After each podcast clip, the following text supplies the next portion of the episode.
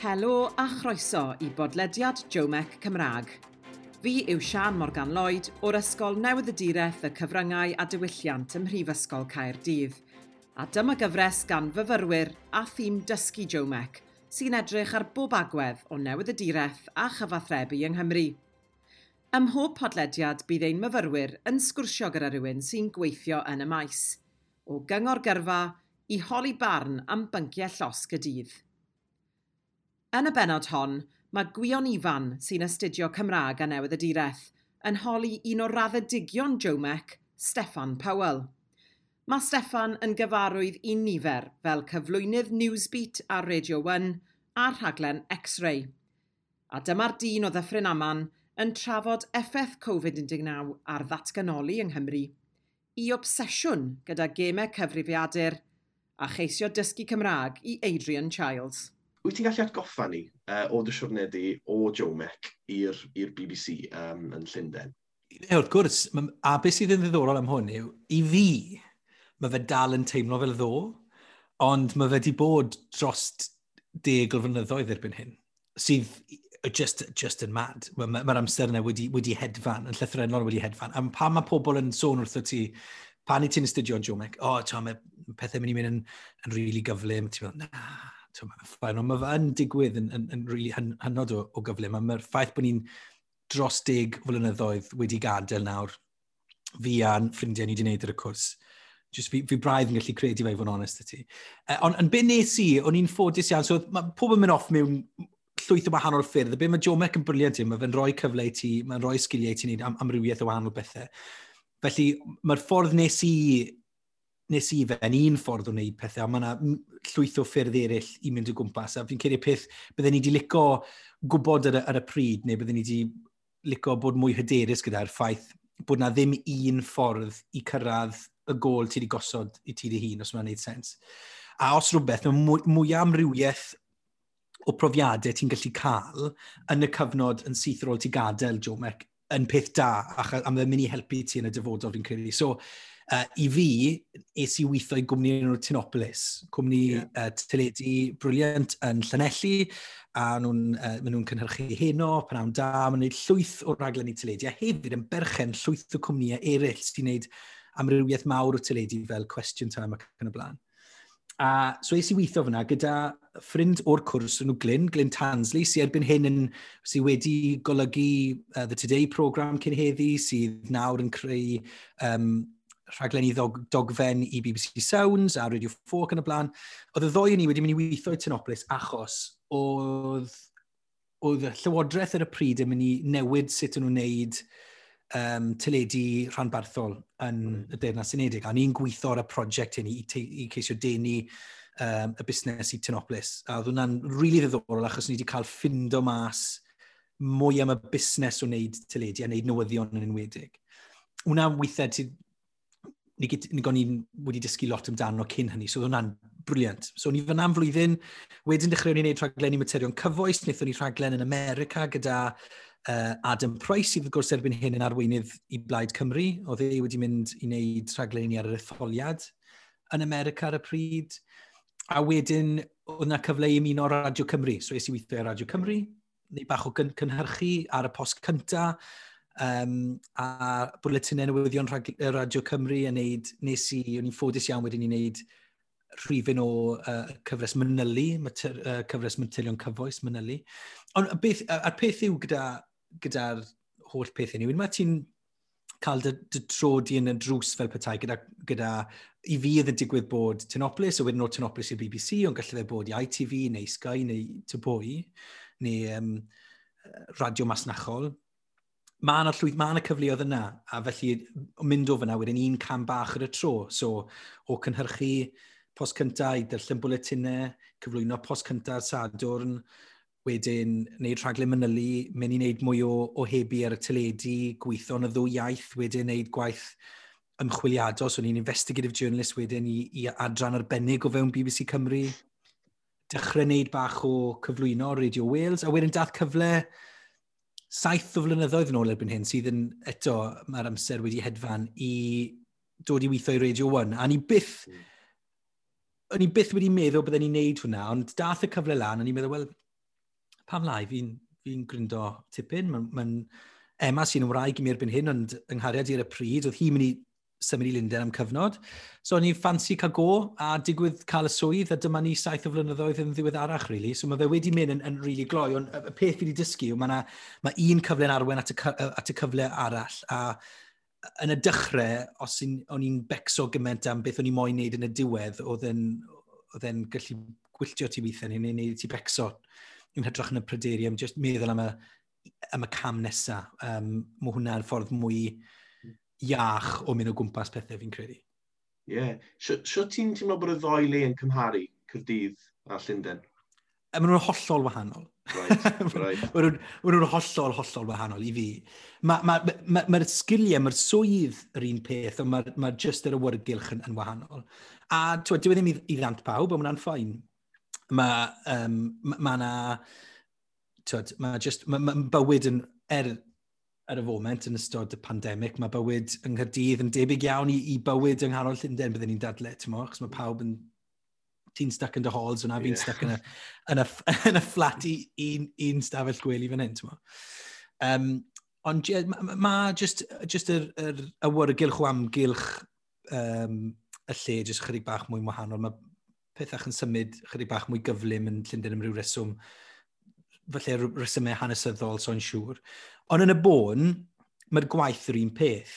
Yeah. Hynny yw, ffindo straeon sy'n bwysig i gynulleidfa a meddwl am ffyrdd i adrodd y stori yna mewn ffordd mynd, sydd yn mynd i um, neud i nhw moyn i, i wrando arno fe. A mae'r un her fyna, a, a oedd cynhyrchu post cynta, a um, cyflwyno Newsbeat a Radio 1. Mae'r ma, ma her yn union yr un peth.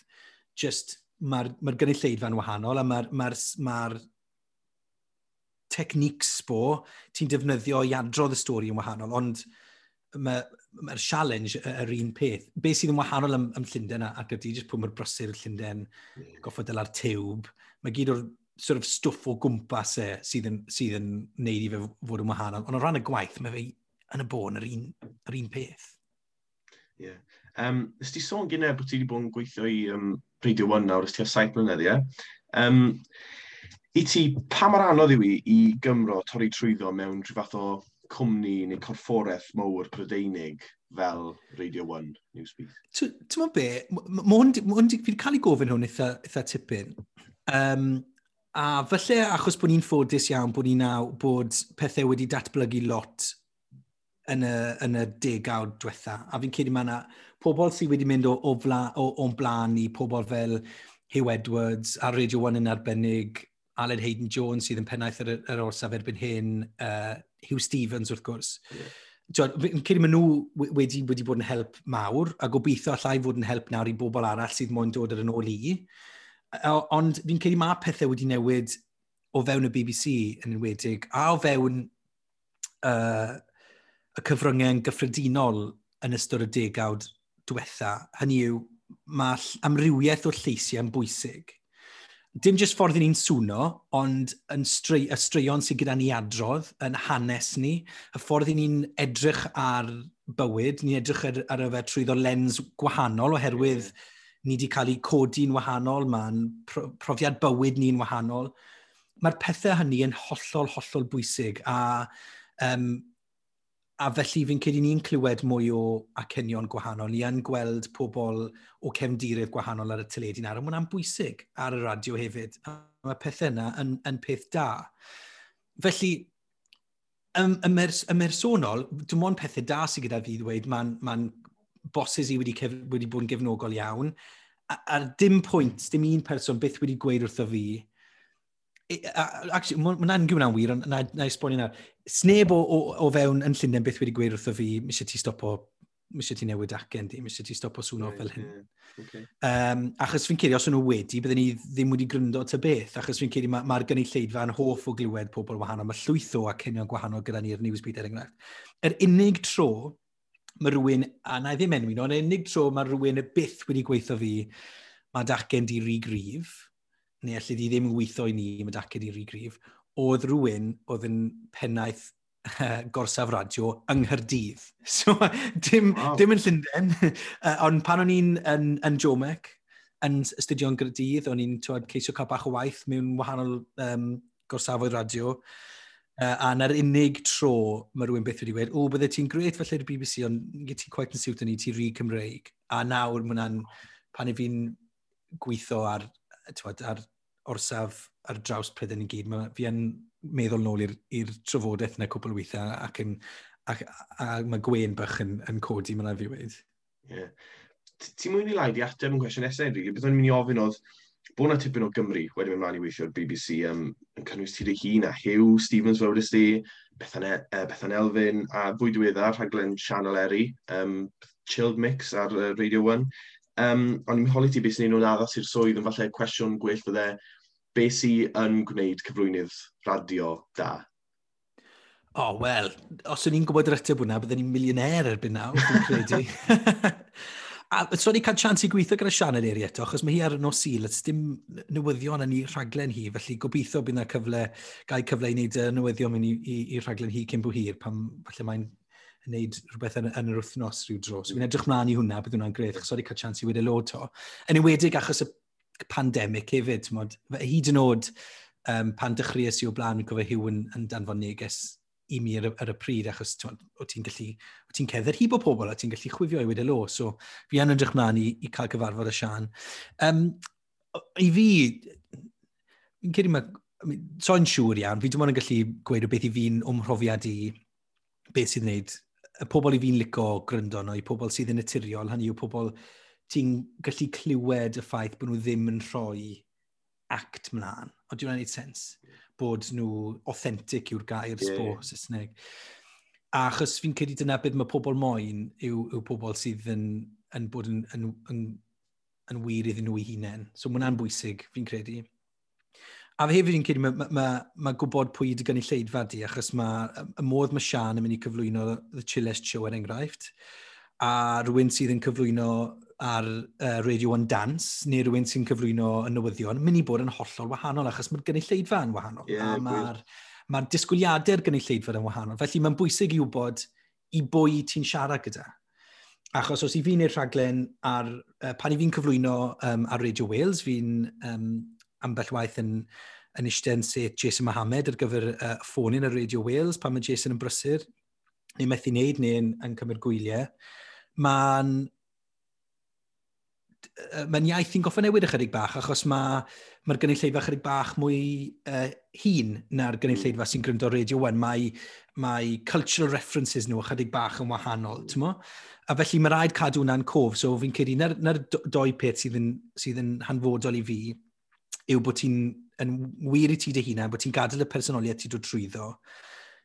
Dim fel bod e'n mynd yn ffordd y stori, neu dim ni'n gwybod amdano ti fel y, y cyflwynydd, ti'n yn helpu bobl ar y siwrne fel petai. So, ond bod ti yn cael fod yn ti dy hunan, ond hefyd yn gwybod pwy ti'n siarad gyda. Achos os ti'n siarad uh, i, i, i gynulleidfa anghywir, wel, ni gyw'n lot o, o sbri i'r person sy'n gryndo. So, er enghraifft, ni'n neud podlediad uh, uh, i BBC Sounds ar y foment amdano um, game y fideo. Yeah. Wel, so pan ni'n siarad ar y podlediad yna, mae'r pobl sy'n gryndo licio game y fideo. So ni'n gallu siarad mewn, mewn modd ti gallu sôn am games sydd wedi wario neu, neu, neu niche references doniol sydd wedi digwydd yn y gorffennol ac yn y blaen. Ond pan i fi'n adrodd ynglyn â game y fideo ar Newsbeat, dyw'r gynulleid, dyw gyd o'r gynulleid felly ddim yn chwarae gêm y fideo yn aml iawn. Felly mae rhaid ti newid y iaith ychydig bach. Dal bod yn hwylus, dal bod yn authentic, ond just defnyddio sgripto a siarad mewn modd sydd yn, sydd yn inclusif i bawb sydd yn gryndo, mae hwnna'n hynod o bwysig. So dyna'r doi peth i fi'n credu sydd yn, sydd yn hanfodol i, i, i, um, i cyflwynwyr radio da. Os y fi'n, fi, n, fi gweithio, fi wedi bod yn ffodus iawn, fi'n gweithio gyda Greg James, fi'n gweithio gyda Grimmy, wedi gweithio'n agos iawn gyda Grimmy, a mae gweld nhw wrthi pob dydd, a dyna'r pethau maen nhw'n wneud yn syth. Mae'r gynulleidfa gyda nhw, maen nhw'n nabod nhw, maen nhw'n... Sdim gwaniaeth rhwng dyn nhw ar yr awyr a nhw off yr awyr. Yeah. A mwynhau'n bwysig fi'n credu. O dy brofiad di yn Llundain, pa fath o ddealltwriaeth sydd gyda nhw tuag at, at Gymru a, a, a datganoli yn Cymru? fi'n credu mae ma mwy o dealltwriaeth yn dan datganoli nawr eriod o blaen. Fi'n credu mae'r ma pandemig wedi, wedi, bod yn, wedi cael effaith mawr ar hwnna, achos um, mae'r reolau'n wahanol a pobl yn twad, ddim yn sylweddoli felly ar, ar, ar, ar y dechrau. Um, so yn cyd, mae ma, ma, ma, ma, ma dal dyw pobl ddim quite yn deall beth yw'r rheolau, maen nhw'n ymwybodol bod y rheolau'n wahanol. So, fi'n credu mae hwnna'n, hwnna wedi, wedi gwella yn y blynyddoedd diwethaf, ond dal, tywod, ni gyn nhw quite yn siŵr fan hyn, yn union beth mae uh, Llywodraeth yng Nghymru yn gallu wneud. Um, a, a mae yna rai yn y gynulleidfa dal yn cwestiynu pam. Uh, felly mae hwnna'n frwydr yn ni'n cael yn ymal iawn yn, y, yn yr yn y swyddfa, jyst i wneud yn siŵr bod ni yn, yn, yn wneud siŵr bod ni yn esbonio yn iawn beth sydd yn digwydd yn wahanol llefydd. Fi'n credu gallu fe bod yn well. Fi'n credu mae yna camgymeriadau yn, yn digwydd, ond mae yna, ma yna ymdrech mawr yn cael ei wneud i wneud yn siŵr bod uh, y gwahaniaethau yn cael ei adrodd. Yn enwedig gyda ni yn Newsbeat, achos mae fe'n gymleth iawn, a, a felly mae yna ffordd o symleiddio fe fel bod pawb yn gallu deall yn bwysig iawn. Um, felly ie, yeah, mae wedi gwella, ond fi'n credu ni gwein cant y cant. Ond wedyn, byddwn ni'n dadle, to mae nifer o bobl, fi dal yn cael cwestiwn o bobl yng Nghymru ynglyn â beth yw'r rheolau, beth yw'r pwerau sydd gan y Llywodraeth yng Nghymru, um, ffordd mae fe'n gweithio ac yn y blaen, er ni wedi bod twa, dros 20 mlynedd a mwy, wel, ie, yeah, wedi bod ers datganoli um, mae fe'n ma, ma fe cwestiwn sy'n dal, dal i godi. Mm. Nawr, mae diddordebau gyda ti, ti ffwrdd o'r stafell newyddion. Um, ni'n gwybod bod ti'n hoffi rygbi a NFL. Um, a ni'n gweld hefyd bod ydi podcast es tachwedd llynedd gyda Inel Tomlinson a Julia Hardy. O ble ddath y diddordeb i'r byd yma gaming? Um, yw e'n rhyw fath o dihangfa o'r byd gwaith, byd gwaith arferol? Wel, oedd e'n neis achos o blaen, oedd e'n ffordd i, i dianc o gwaith, a nawr mae fe'n rhan o'n waith i, so so'n siŵr iawn os oedd yna'n os oedd yna'n peth dda i wneud i fod yn onest ti. Um, na, fi jyst yn teimlo am rhywbeth, ni i wedi... Tywed, so'n i fach, o'n i'n wario game y fideo, fi'n cofio yn... Oedd yng nghefnderu gyda Nintendo pan o'n i fach, a ni dechrau wario hwnna, wedi cwmpo nghariad gyda fe rili really ers hynny. A mae fe'n diwydiant mawr tyd, o ran yn ariannol, o ran yr, yr effaith a'r um, impact mae fe'n cael ar y diwylliant hefyd ym Mhryden ac ar draws y byd erbyn hyn. A pan symudais i news byd, tyd, saith mlynedd yn ôl, o'n i'n gweld yn od bod ni, wel, o'n i'n neud straeon amdano game y fideo, ond dim llwyth. A mae'r gynulleidfa Newsbeat yn ifanc, maen nhw gyd yn wario game y fideo, neu mae lot mawr, fawr yn nhw'n wario game y fideo, a ni'n teimlo, wel, os ni'n siarad amdano straeon ynglyn â'r busnes Hollywood a'r cerddoriaeth, mae ma fe dim ond yn gwneud sens bod ni hefyd yn siarad amdano games hefyd, a dyna be ni wedi gwneud, really. Ni wedi bod ers hynny, ni wedi bod yn gwneud Uh, oedd na cyfres ar yr iPlayer, rhaglen teledu ar yr iPlayer, fel y ti'n sôn fyna gyda fi a Julia Hardy yn cyflwyno hwnna.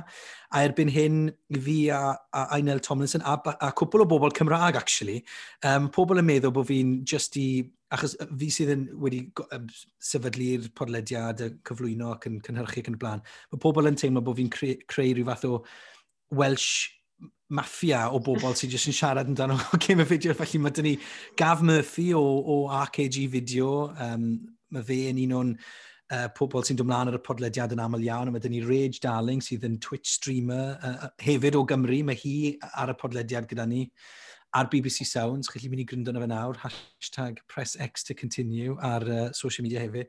Um, ond ni, so, do'n ni wedi moyn i am spel, y teimlad yw gyda ni bod yn, yn y cyfryngau uh, mainstream, y cyfryngau mainstream, yn y BBC yn enwedig, ni'n sôn am a trafod uh, ffilmiau, cerddoriaeth, theatr, llyfrau, yn aml iawn, mewn modd sydd yn denu gynulleidfa, sydd jyst yn ffordd i ni'n trafod chwaraeon lawr, lawr y pub sort of thing. Ond o'n i ddim yn neud e gyda game y fideo, a ni'n gweld na'n odd, really odd, a felly y pwrpas y, y, y podlediad yw i trafod y pethau sydd yn digwydd, y pethau diweddara yn y byd um, game y fideo mewn modd sydd yn hollol naturiol i'r gynulleidfa, a modd maen nhw'n siarad amdano fe, pan maen nhw'n pan o'n i'n cael mynd i'r tafarn. Twa. So na'r nod gyda'r uh, podlediad, a mae wedi bod yn lot o hwyl roi fe at ei gilydd i fod yn onest, a mae wedi bod neis cael bach o brec o'r newyddion, wneud y newyddion 24 awr y dydd, saith dydd wrthnos, tymor, achos mae fe wedi bod yn cyfnod galed i lot o bobl um, sydd yn, am y pobl yn gweithio'n lot fwy anodd yn y fi ar, ar y stwff coronavirus, ond wedi bod yn neis cael bach o brec i fod yn onest ti. Um, yn 2020, ddethon ni wedi weld i ar rhaglen Esperorec, Iaith ar Daith, gyda Adrian Childs. Um, pa fath o brofiad oedd hwnna i ti? Adrian, just i texto fi, fel mae'n digwydd, cyn right. i fi dymlaen i weid uh, dydd gwyl dewi hapus. Oh. Um, so, chwarae teg iddo fe.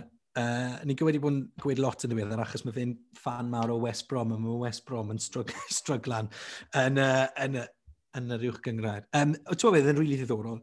Beth oedd yn gret i fi oedd, ti'n twad weithiau fel Cymru, i ni'n mae yna diffyg hyder yn ddo'n ni'n hunain, yn, ni, yn, yn ein diwylliant ni, yn ein iaith ni.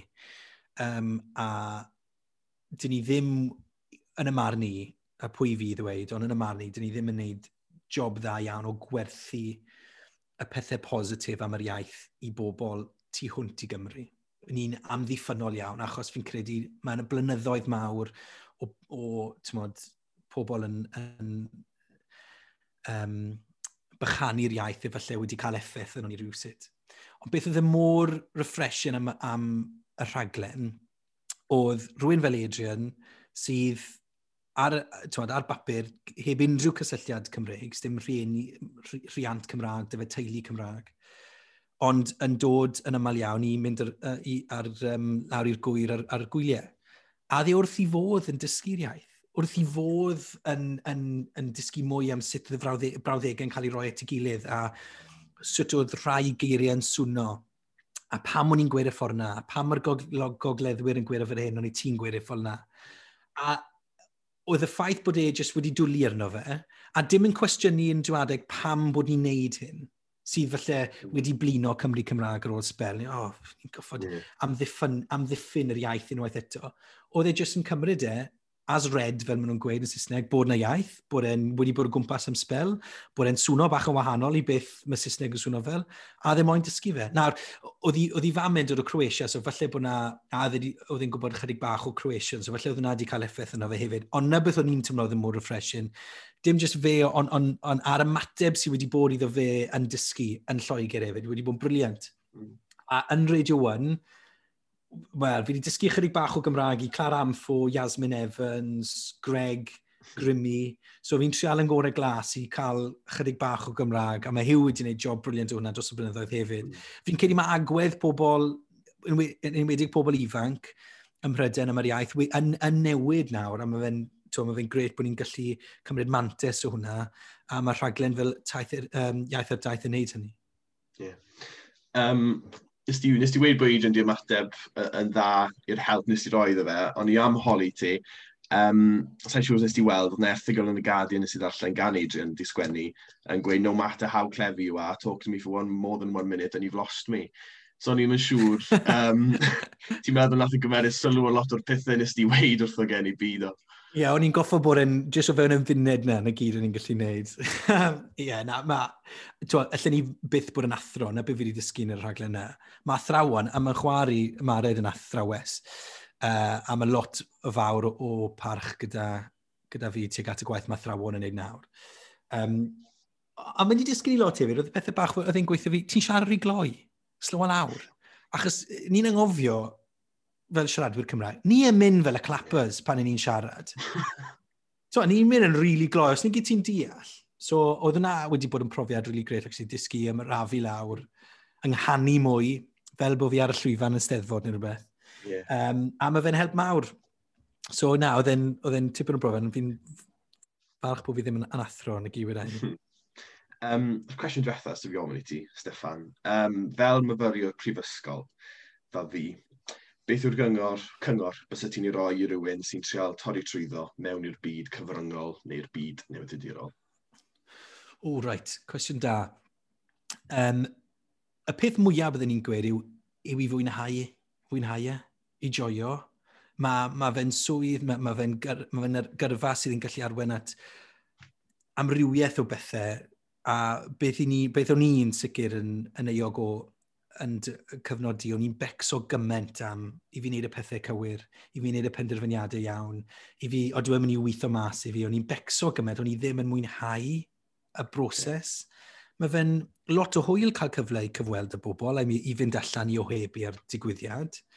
Mae fe'n lot o hwyl um, meddwl am ffyrdd credigol i, i, i, i adrodd stori, fel bod rhywun moyn gryndo, a a fi'n credu weithiau ni'n gallu, mae am yr cyfryngau yn wael yn trial gorfodi bobl i, i, i, i claimo'r lada fel petai, mynd lan yr ysgol, yn hytrach na just fwynhau y broses. So, Mae ma neud, nath rhywun gweithio fi unwaith, mae neud job da o beth i ti'n neud ar y foment yn bwysig iawn, A mae hwnna, na, na beth sy'n arwen i ti'n mynd at un peth ar y llall. O'n i'n gweud ar y dechrau, ar y bach mae pethau mae, mae adeiladu ti, a twyd, un, un bric ar y tro, un camera ar y tro, mae pethau'n yn dechrau dod at ei gilydd. Ond ar y dechrau, mae fe'n ed, anodd, achos ti'n edrych lan, a ti'n meddwl, flippin ec, mae lot o fi i fynd fan hyn.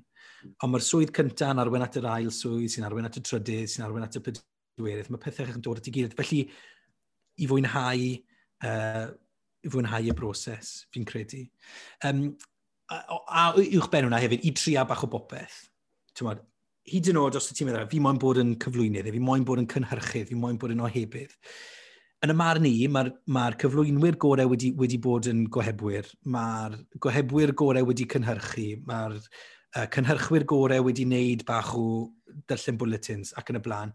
Achos ti'n gallu deall ychydig bach am sut mae'r ecosystem yn gweithio, sut mae popeth yn ffito mewn. Um, A dim ots os ni, tywed, nag o'n i'n cynhyrchydd, dwi ddim y cynhyrchydd gorau yn y byd. Rhaid, sdim ymynedd dy fi yn hwnna. Ond fi wedi gwneud digon o fyna, fi'n cynhyrchu rhaglen i ddogfen ar y teledu a rhaglen i radio ac yn y blaen. Fi'n gwybod ffordd mae fe'n gweithio nawr, so os i pan i fi'n cynhyrchu, eh, pan i fi'n cyflwyno am y flin dy fi, a fi'n gwybod mae yna ma, na, ma na her yn gwynebu'r cynhyrchydd sy'n cynhyrchu'r rhaglen, fi'n deall. So, ni'n gallu gweithio gyda'n gilydd arno fe. Mm. Felly, tria bach o popeth, Ond y peth, mwy, y pwy, y peth mwyaf yw i fwynhau.